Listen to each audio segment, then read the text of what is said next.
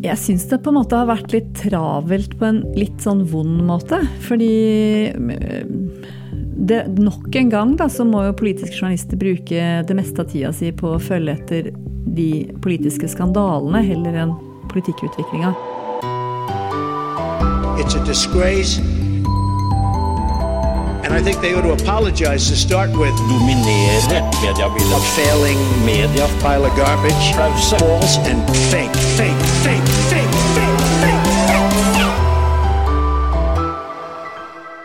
Hei, og velkommen til en ny episode av Pressepodden. Mitt navn er Jan Magnus Weiberg Aurdal, og i dag så har vi fått besøk av Veslemøy Østrem, Alltinget-redaktør, som i disse dager feirer ettårsdag. Ikke du, da, men Alltinget feirer ettårsdag. Velkommen til Pressepodden, Veslemøy. Tusen takk for det.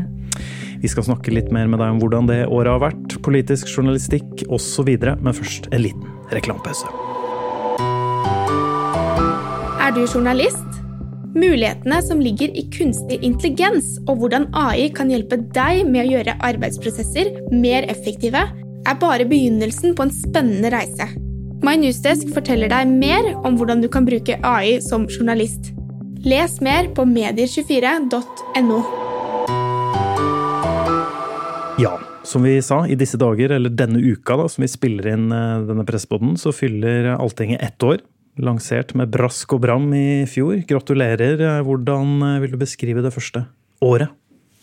Det har vært eh, utrolig travelt. Kjempegøy. Inspirerende, spennende. eh, Ganske slitsomt, men mest av alt helt sånn overraskende bra.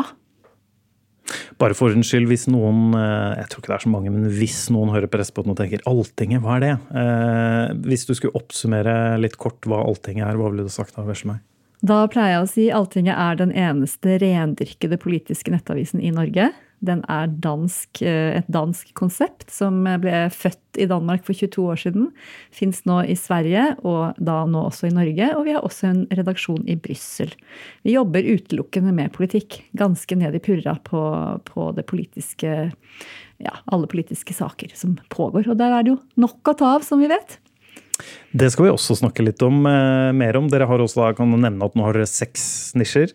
eh, som du, du er redaktør for alle, men du har jo underredaktører for hver, for hver nisje. Eh, dere har vært på lufta, eller eh, si, vært digitale nå, da lansert et år. Eh, hvordan eh, Du sa det var veldig morsomt og, og, og, så videre, men hva har vært mest utfordrende? Jeg vil faktisk si at døgnet burde hatt ja, 29 timer, kanskje. Og uka, året kanskje 300-400 uker. Da hadde vi kanskje fått gjort alt det vi hadde lyst til å gjøre. Så jeg vil si at uh, den store mismatchen mellom ambisjonsnivå og ressurser, uh, den har vært mest utfordrende. Og det tror jeg alle i hele Medie-Norge vil kjenne seg igjen i. Jeg kjenner ikke én redaksjon som ikke har høyere ambisjoner enn de har tid til og råd til og folk til. Er det noe som har overraska deg etter at dere lanserte? Bortsett fra at ikke du innser nok en gang at uka ikke har nok timer og døgn, men noe annet? Ja, kanskje. Det, det høres kanskje litt rart ut, men uh, det som jeg tror overraska både meg og kollegene mine i Sverige og i Danmark, er at den nordiske politikken, den uh, har på en måte fått et litt nytt et nytt fotfeste. At vi- kan være en, en leverandør av det, som egentlig ganske få skriver om eh, overlangs. Og det er klart, vi ser, vi ser en ganske stor interesse for det. En av våre aller mest leste saker, det er saken 'Dette er de 17 danske partiene som stiller til valg'. Som er en sånn sak som kommer opp i Google-søket hver gang noen sitter og googler dansk politikk. Og det var litt overraskende for alle oss tre redaktører i Norden. eh, Og som gjør en veldig gøy ting. I Norge har vi jo norsken, svensken og dansken, men, men utover det så er det jo ganske få som kjenner Mette Fredriksen og Lars Løkke veldig godt. Og det er klart, når vi vet hvor mye av utveksling det er i det politiske landskapet, med velferdsmodeller og med politiske prosesser, så er det ganske kult å se akkurat den delen. Men har, vi- ja, når- ja. Har dere litt stoffutveksling mellom eh, Absolutt. Vi Ja. har full stoffutveksling, så vi kan bruke hverandres stoff. Og det er jo også veldig artig når vi, som jo fremdeles er en, eh, en miniputt i, i, i, blant oss tre, når vi kan gjøre intervjuer som da også blir publisert i, i Danmark og Sverige, så syns jo disse ministrene at det er litt ekstra stas. Så får man en, en ny publikumsgruppe. Eh, vi skal snakke litt mer om politisk journalistikken i Norge og ting å ta av, men jeg bare å spørre deg også. Det har jo da vært en del å dekke i norsk politikk de siste månedene. Eh, Det er interesse for det i Danmark og Sverige også, vil jeg tro. Alle Ja. skandalene. Ja da, vi hadde bl.a. i Arendalsuka, da vi var der i, i, august, så hadde vi første kvelden en eh, skandalepolitisk battle mellom eh, vår norske politiske kommentator Magnus Takvam og vår danske sjefredaktør. Og vi trodde jo at Norge skulle vinne den battlen, men jaggu meg så, så stakk Danmark av med den veldig uhøytidelige seieren der. Eh, De har hatt sitt å stri med. De syns det er spennende å følge med på, på de norske historiene. Så er det noe som kan brukes direkte, noe må vi jobbe litt med og skrive litt om, men eh, vi har veldig stor glede av akkurat den utvekslingen der. Um, dere er jo et uh, premium-produkt, for å si det sånn. Abonnementsdrevet. Um, går rett på Sånn som Medie24 ble jo starta som åpent og er blitt eh, premium etter hvert. Dere går ikke rett inn for å, for å, for å sikre abonnenter. Seks nisjer nå, um, som vi nevnte. Si litt om hvordan strategien var der fra starten, Vesle, med, med, tanke på liksom å bygge opp redaksjonen og type journalistikk osv. For dere, dere skal jo treffe premium-målgruppen med en gang. Ja, dette er jo på en måte en velprøvd modell fra våre naboland. Så, så for meg har det vært litt sånn luksusgründerskap. Fordi jeg har jo på en måte fått en, et konsept som jeg tror på, og som jeg ser at virker, og som jeg virkelig har sansen for. Og så var det min jobb å gjøre dette norsk. Og da satt jeg jo inne på dette kottet da, som, eh, som jeg satt på i, i, i noen måneder sammen med kommersiell direktør Marius Zakariassen, og, og tenkte høyt og tenkte bredt. Og da, da prøvde jeg å å se litt på hvor er, hvor er det det brenner mest i politikken akkurat nå. Eh, For der tenkte jeg vi må være. Der må vi være gode fra start, og det syns jeg vi også har lykkes med. Vi har bl.a. en eh, klima- og energinisje som jo selvfølgelig var helt opplagt, eh, som går veldig veldig bra. Og så jobber vi med EU, vi jobber med helsepolitikk, vi jobber med arbeidsliv og med, med forsvar. Og så har vi denne åpne, mer allmennisjen som heter Løvebakken, og som er den som er nærmest en normalavis, da, hvis man kan, eh, man kan kalle det det. Eh, Så mitt, utgangspunkt var jo rett og slett temperatur, men så var jeg også veldig opptatt av at jeg kunne jo ikke lage disse nisjene troverdige uten å ha gode folk. Så noen nisjer har jeg venta med, nettopp fordi at de som har vært tilgjengelige på journalistmarkedet, og som hadde lyst til å være med og jobbe i, i Alltinget, de, var det, det var der jeg traff aller best. Så, men vi, vi har jo en liste over flere nisjer som vi har lyst til å åpne. Så, så apropos, det skal bygges videre. Det var jo det spørsmålet jeg hadde tenkt å stille noen når du sa det. Det er seks, men det blir flere. Ja, vi sier jo at nå har vi laga en grunnmur, og i, akkurat nå så tenker jeg vi er en slags eh, fin treromsleilighet med en kjempesolid grunnmur, hvor det går an å bygge masse mer på den grunnmuren. Og eh, vi har ikke så mye balkonger og så mye tårn og sånt ennå, men jeg ser for meg at byggearbeidet fortsetter. Vi, eh, Det skal bli et hus, det her. det skal bli et hus med mange rom, og med mange finurlige kroker og kriker. Det norske hus, for å ta en eh, Ja, vet ikke, det nordiske kanskje? ja, nordiske. Eh, hvor mange nisjer har de i Danmark og Sverige for øvrig? I Danmark så åpna de akkurat sin 30. nisje, 30. nisje. Eh, Noen års forsprang, for å si det mildt. Vi Men ja. har noen års forsprang, og der har man vel også sett at nå begynner det å nærme seg en slags Nå, nå dekker vi alle, alle feltene. Den siste nisjen var, gikk mer i næringslivsretning enn i, enn i det politiske. Og i, da, i Sverige er de oppe i elleve nisjer.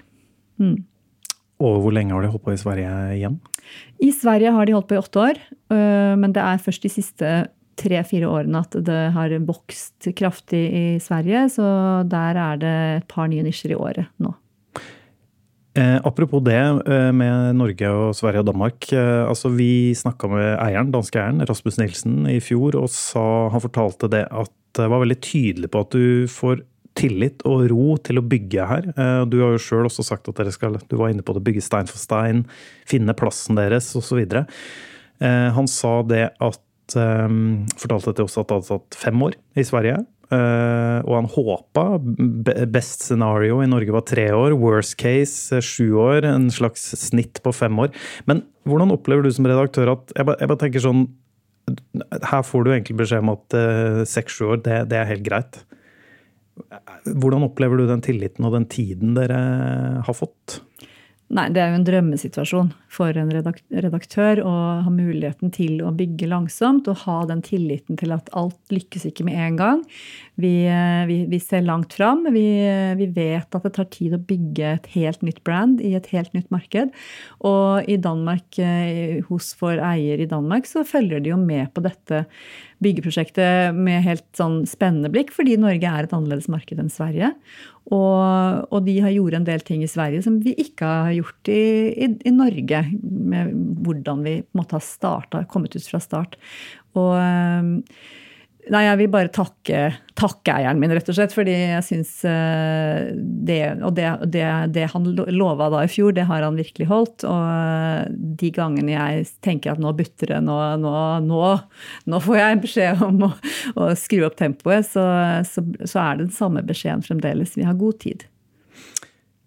Du var jo, har vært litt hemmelighetsfull overfor oss når vi har spurt tidligere om tall og, og hvordan det har eh, abonnenter osv. Men kan du si noe mer om det nå, eller hvordan responsen har vært på markedet? Så nå har dere jo et år, da, så nå har dere jo et kalenderår å, å sammenligne med. Ja, Det er veldig gøy med det å ha vært i gang i et år. For plutselig så kan man si sånn Hva gjorde vi egentlig i fjor?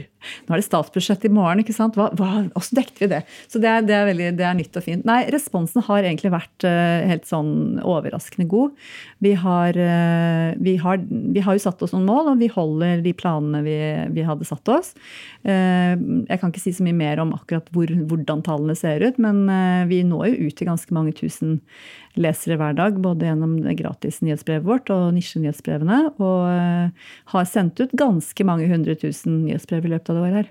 Dere når i hvert fall godt inn på Stortinget. Eh, fordi eh, dere er jo inne på den allerede i første året deres. Så kom dere inn på den avisavtalen til alle ansatte på, på Stortinget. Altså, det betyr da i klartekst alle politikere, partigrupper, admin, ansatte på Stortinget har tilgang til Alltinget. Det er ganske mange som jobber der. Eh, hva, dette er et åpenbart og ledende spørsmål, men hva betyr det for dere å komme inn der? Det har vært helt fantastisk å, å, få den responsen og den tilliten egentlig fra Stortinget. Fordi eh, den avtalen ble jo eh, allerede tegna i fjor høst. Jeg tror de opplever Alltinget som et seriøst produkt som de faktisk har nytte av. Og vi merker jo det på tilbakemeldingene også, at, at det blir lest. Um, det, det, betyr jo selvfølgelig også noe for kredibiliteten til hele avisa. Det betyr at debattanter ønsker å være i våre spalter. Det betyr at de som er kilder, vet at om ikke de blir lest av titusenvis, så blir de i hvert fall lest av de som de ønsker skal lese, lese denne journalistikken. Så det har vært helt avgjørende. Det har også vært veldig gledelig å se at flere departementer har kommet inn med, med større abonnement, og også en god del av disse etatene, de offentlige etatene, som jo definitivt er i vår, vår målgruppe. Så vi er fornøyd med det og håper virkelig at vi innfrir på, på det de ønsker seg. Mm. Det betyr jo litt eh, økonomisk også, selvfølgelig. En annen ting med økonomi. Du har sagt til at, det, at du ikke utelukker at dere kan søke pressestøtte. Hva er status på det nå? Det, status der er at vi definitivt skal se på den muligheten og regne med at vi sender inn en søknad fra neste år, altså for 2024. Er du journalist? Mulighetene som ligger i kunstig intelligens og hvordan AI kan hjelpe deg med å gjøre arbeidsprosesser mer effektive, er bare begynnelsen på en spennende reise. My Newsdesk forteller deg mer om hvordan du kan bruke AI som journalist. Les mer på medier24.no. Um, bare én ting. Jeg bare, dette er eh, For det litt eh, Jeg skjønner jo svaret på spørsmålet her, men Alltinget Det er jo dansk. Mm. Navnet deres skrives med en Jeg ser det på deg at dette spørsmålet har du fått før. Fordi jeg har også fått noen Når jeg har skrevet saker om dere, hvis jeg har hatt byline på, så har jeg fått mail fra folk. Nå må du skrive allting riktig, det er på norsk, er det med to l-er? For dere har jo i navnet deres er med én l, fordi det heter det på dansk. Ja. Kommer det til å bli endra på, eller er det bare sånn det er fordi det er det danske originalnavnet? Det blir sånn. Det kommer til å hete Alltinget med en L, og det må vi jo forklare, selvfølgelig. Bakgrunnen er at det er navnet på avisa. Og jeg merker det, vi har jo retrieversøk ikke sant, som, eh, for å se siteringer og hvordan de blir brukt av andre medier. Og eh, først var det sånn ca. 90% som skrev det feil, og nå er det 10% Så det er jo en fin, fin ting. Det betyr at navnet er begynt å bli kjent. Men vi får jo da også opp de sakene som handler om islandske konger og sagaer og sånt, som, fordi Alltinget fins jo eh, som en, et parlament på Island. Så, eh, men så er det klart, i det øyeblikket man kanskje skal etablere Alltinget på Island, så blir det jo en litt utfordring med navn. Men vi heter Alltinget med en L, og kommer til å hete det fortsatt. Da har vi fått det svaret, og jeg håper alle som sender meg mail om å spørre om det. Da har dere For de hører sikkert presse på den. Jeg håper Ja. det. Jeg, jeg regner med det. Jeg bare jeg, jeg antar det. Du har sikkert fått spørsmålet mange ganger, du også, hørtes det ut som. Um, men Veslemann, vi snakker litt om, eh, mer om den politiske journalistikken din i, i Norge. For, eh, som du snakka om innledningsvis, har vært masse å ta tak i det siste året. Eh, selv om det kanskje skandalene er For jeg var på den seansen du nevnte i Arendalsuka, og jeg må også innrømme at jeg ble litt overraska over nivået på skandalene i Danmark, f.eks. Det var faktisk litt verre enn i Norge, det her. Men dette var før den siste måneden, så så det kan hende vi hadde i hvert fall fått 2-2 hvis det hadde vært en ny runde nå i, Det- nå i, i oktober. Ja, det er sant. Det er sant. Dette var jo i, i, i midten av august. Eh, Men det er jo nok å ta. Det koker. Eh, Du som sitter midt i det, hvordan er det å være midt i det politiske journalistikk-koket om dagen? Jeg syns det på en måte har vært litt travelt på en litt sånn vond måte. Fordi eh, det, nok en gang da, så må jo politiske journalister bruke det meste av tida si på å følge etter de politiske skandalene heller enn politikkutviklinga. Vi er i den situasjonen at vi, vi har nisjer hvor vi kan følge fagutviklinga, politikkutviklinga på, på våre nisjeområder tett. Og det har vi valgt å fortsette med også når det koker som verst. Og jeg tror det kan være litt lurt, og det er jo også derfor vi, vi er der. Fordi vi ønsker å kunne være en, en kompletterende avis eh, som kan, kan være i kontinuiteten. Vi kan følge, vi kan følge da arbeidslivsjournalistikken og klimajournalistikken og helsejournalistikken eh, kontinuerlig, mens, mens egentlig det koker alle andre steder. Vi merker jo det at eh, på akkurat denne type super allmenne stoff, eh, så er vi, vår rolle kanskje heller å dra noen litt lange linjer, komme med analysene. Og eh, det merker vi at det er stor interesse for. Eh, rett og slett hva, hva, hva sto i det brevet som kom fra SMK? Gjøre, gjøre en del sånne oversiktssaker. Og så er det, dette er nok den, den, liksom den vonde sida av det å ikke ha ti journalister til. For det er klart at det kribler jo veldig etter å gå inn i aksjeregnskaper og alle de detaljene som nå kommer, i, kommer, kommer ut. Eh, Jeg må bare berømme E24 for den jobben de har gjort, og kontinuiteten de nå viser. Og jeg syns det er utrolig interessant at ingen journalister har sett på dette før. Vi vet jo at det har vært innsyn om dette, til og med fra vår egen Silje Skiphan, som jobba i Faktisk for noen år siden og sendte en forespørsel, innsynsforespørsel om Sindre Finnes aksjer, uten at man på en måte tenkte at her var det noe mer å følge opp. Så jeg tror nok at etterpå, når, når dette har lagt seg, så kan det hende at vi i den politiske journalistikken skal også gå i oss sjøl. Kanskje vi er litt uinteressert i økonomi. Kanskje det er liksom en sånn aksjekunnskap som er litt dårlig. Vi har ikke tenkt den tanken helt ut. Men jeg blir jo jeg blir jo litt sånn bekymra på vegne av demokratiet, hvis man skal ta noen store ord i bruk. Fordi eh, valgdeltakelsen gikk ned nå ved dette valget her. Og hva var det jeg skrev da? Jeg får for det er veldig populært å sitere seg sjøl, det, det er veldig sjarmerende. Men jeg skrev liksom Er det mulig? Det var liksom den, den første analysen jeg skrev om, om eh, saken med med Erna Solberg og Sindre Finnes. Og det er nok den følelsen jeg sitter med fremdeles. Um, så her, og i går var det jo trontaledebatt. Da sitter jeg, jeg satt med en helt sånn åpenbar følelse av at norske politikere i dag de skammer seg ganske mye. De har en tung vei å gå med gjenopprettelse av tillit. Og der skal jo vi ta vår del av ansvaret og jobben. Vi skal jo ikke gjøre det noe enklere for dem å gjenreise den tilliten. Det er ikke vår jobb. Men vi skal gjøre det grundig og seriøst og skikkelig, og ikke på en måte gå etter, eh, gå etter personene, men gå heller etter, eh, etter systemene og strukturene. Men du skulle kanskje ønske, eller på sikt kanskje er det et ønske fra det, regner jeg med fra ditt, eh, ditt ståsted, å få eh, kanskje noe litt mer graving på i redaksjonen. Fordi alle disse avsløringene som har vært alt fra skatte- eller pendlerboligene, Aftenposten, til, til eh, Erna-saken om med E24, det er jo graving som er eh, resultatet av det. Definitivt. Det er en god idé, og så er det det å være, hold, bore seg fast. ikke sant? Vi eh, har gjennomført ett eh, større prosjekt allerede nå. Vi fikk Fritt Ord-penger til å gå inn i noe som vi da kaller for yngreomsorgen. Som er den omsorgen kommuner eh, yter til, eh, til beboere og brukere som er yngre enn 69, 67, som er en ganske stor og omfattende gruppe. Og der har vi gjort et så spennende prosjekt i, som jeg vet at veldig masse norske ordførere og rådmenn, de heter kanskje ikke rådmenn lenger, men de som da sitter med pengesekken i kommunene, de eh, har vært veldig begeistra for den serien, for det har gått veldig sånn spot on inn i deres hverdag. da. Ja. Men vi skal grave, absolutt grave mer, og vi skal grave mer på, på alle mulige områder. Du var inne på at kanskje de som sitter inne, altså politiske journalister og redaktører, bør kanskje gå litt i seg sjøl nå etter det her. Men er det andre ting du, noen andre områder eller tematikker eller noe sånn i politiske landskapet du tenker det ikke er god nok journalistikk om i bransjen vår? Jeg tenker kanskje at vi, vi må se litt på akkurat dette med næringsliv, finans, eh, pengene som faktisk forvaltes, da, og ikke bare i, liksom, av politikerne, men de, de løsningene de har. Nå er vi midt inne i en krise med inflasjon og med, med renteoppgang, og liksom, hvor politikerne faktisk har en del verktøy til å, til å, gjøre noe med det for, for hele det norske folk. Eh, Jeg er ikke sikker på om det er veldig mange norske journalister som egentlig forstår hva en rentebane er, og hva inflasjonsdrivende tiltak er. Så der tenker jeg kanskje vi har noe å jobbe med, og det har vi lyst til å prøve å ta litt tak i, da.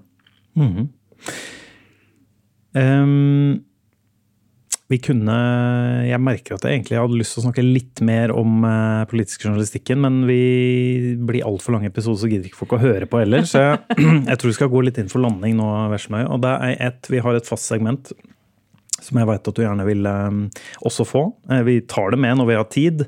Fire spørsmål som vi pleier å stille gjestene. Eh, kjappe spørsmål som eh, Du kan ha kjappe svar, men du kan også utbrodere litt hvis du ønsker. Er du klar? Mm, jeg er klar. Eh, får du med deg mest nyheter på TV, radio, nett eller papir?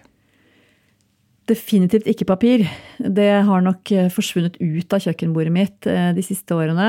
Jeg er et utrolig nyhets... Jeg jeg er en skikkelig junkie. Så jeg vil si mobil 80% av døgnet. Jeg sover litt, altså. Men, eh, men det er, og så er jeg jo også et radiomenneske. Mindre og mindre TV, mer og mer radio og mobil.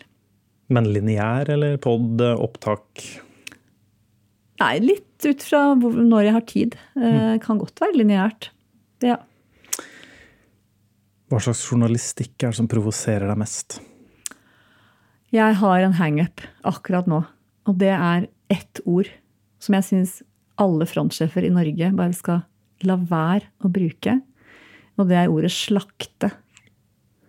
Det er jo ingen grenser for hva som slaktes, og hvem som slaktes, og hvorfor man slaktes og sånn. Jeg syns det er et ganske ubehagelig ord. Og nå skal jeg bli litt sånn pompøs, men det er krig i nabolandet vårt. Der er det liksom reell slakting. Og det å si at noen slaktes for en kjole, eller slaktes for ditt og slakt Jeg vet, jeg blir ordentlig, ordentlig sur av det. Så da blir jeg en sånn gammel dame som sitter og snurper munnen når jeg ser de titlene. Det er nesten eh, det er, det, Jeg regner med du ikke er så fan av raser heller? Men raser er for så vidt greit. Det er, Det er ikke så mildere. kroppslig. Det er Nei. ikke liksom blod og gørr bak det ordet der. Så rase kan man gjerne gjøre. Det, det er helt greit. Og vi må gjerne være både frekke og, og tøffe og tabloide, men akkurat det begrepet reagerer jeg på. Ellers, eh, jeg er dødsimponert over norske journalister. Jeg bare, jeg bare syns de, de har en sånn stamina Jeg har jobba nå med, med, i denne, denne bransjen her så mange år. og jeg jeg ser at de, der, de journalistene som eh, egentlig nå Vet du hva, nå svarer jeg på neste spørsmål. Du må spørre neste spørsmål. Ok, ok. Ja, du, hvordan veit du disse spørsmålene, Veslemøy? Det lurer jeg på. Nei da. Kan hende du har fått en heads up. Mhm, hvem veit? Hva er de beste egenskapene en journalist kan ha da, i dine øyne? Da kan du svare. Det er så imponerende med journalister som har den egendriven. Som klarer å drive seg sjøl. Og alle ønsker seg jo en leder som er tett på, og som gir dem masse ut. Men jeg bare ser at en del journalister de bare kommer på jobb, de vet hva de skal gjøre. De jobber, de har mange prosjekter gående samtidig, og de får utretta helt utrolige ting. Og det er jo akkurat sånne journalister som klarer å sette ting sammen, og klarer å skjønne at mm, denne tingen her, den var jeg innom i mars i fjor. Da var dette, så trekker de liksom innsynsarket fram fra skuffen sin, og så har de, har de, det. Og de som klarer å få tak i sånne journalister i sin, i sin stab, de er lykkelige redaktører. En nøkkelkriterium der er vel også litt tid og kontinuitet og tillit, da? Definitivt. Og jeg tror At folk får tid eh, til å bygge den, mener jeg. Liksom, Ja. For jeg kjenner meg, kjenner, ikke kjenner meg igjen, men jeg kjenner igjen den type journalist er veldig verdifull. Men da må det gjerne være en journalist som har jobba lenge med det. Ja, jeg, jeg har vært en, en leder som har veldig ofte vært veldig tydelig på at du må gjøre det, og du må gjøre det, og nå må du gjøre ditt, og vi trenger det. og Istedenfor å lytte sånn hva Det jeg har begynt å spørre mer om nå, er hvis du skal gjøre det, hva går det på bekostning av? Er din idé bedre enn min? Og da tror jeg du får mye mer fruktbare morgenmøter, og, og også får de, får de journalistene som får den tiden. Og så tror jeg ingen journalister eh, går ut ofte nok, går bort fra pulten sin. Jeg tror ikke jeg har én eneste kildesamtale jeg, hvor jeg ikke har fått en god idé eller fått en eh, kjempebra nyhetssak etter, etterpå. Jeg tror det er mange medieledere som kjenner seg igjen der. Jeg som eh, redd-leder kjenner meg igjen i det du sier der. Det siste, da, eh, nå kan du få skryte litt mer. Hvem inspirerer deg mest i Medie-Norge? Ja, da skal jeg si akkurat det som jeg hører mange sier. Det er så mange. Um, jeg tror kanskje jeg skal si at de som inspirerer meg veldig for tida, det er unge talenter som kommer ut og tar sats og virkelig viser at de har noe her å gjøre. Og da, nå har vi snakka om E24 og sommervikarene der som eh, som vi kommer til å snakke om veldig lenge, og alle kommer til å ønske å ha med i redaksjonene sine. Eh, Men det er jo mange av de samme. Jeg har, jeg har ansatt en god del sommervikarer opp gjennom årene. Og jeg syns at det er så spennende å se hvordan den nye unge generasjonen kommer inn og tar det rommet. Um, Nå burde jeg jo ha nevnt noen navn, men la meg bare gi en hyllest til alle vikarer eh, som klarer å markere seg og klarer å vise at de trengs i bransjen. Vi trenger dem, og de er veldig flinke, mange av de, til å også eh, bli, hva skal jeg si, gjøre seg sjøl helt uunnværlige. Mm. Ingen, eh, ingen nevnt, ingen glemt. Men, men er det, jeg har lyst til å bare spørre deg kjapt, er det noe du ser i den nye generasjonen journalister nå? Har de noe annet, eller en, med seg noe annet inn enn de foregående, oss foregående generasjoner? De er jo genuint eh, digitale og, og opererer på en måte i sosiale medier på en helt, med en helt sånn eh, innfødthet, da, for å si det sånn. De er native, native borns. Eh, og det som jeg, jeg syns er spennende, er jo også den der mangelen på autoritetsfrykt. Eh, også for ledere. Så det betyr at mange av de tør jo faktisk å si sånn eh, Hvorfor gjør du på dette viset? Eh, som jeg tror vi har veldig godt av. Det får bli det siste ordet i denne episoden, Veslemøy. Vi får eh, ønske dere lykke til videre med satsingen. Eh, Du har jo ett år unnagjort. Eh, Eieren din sa du har i hvert fall seks, seks til, da. Så vi får se åssen det går. Eh, Neste uke er det en ny episode og ny gjest her i Presseboden. Vi høres igjen da.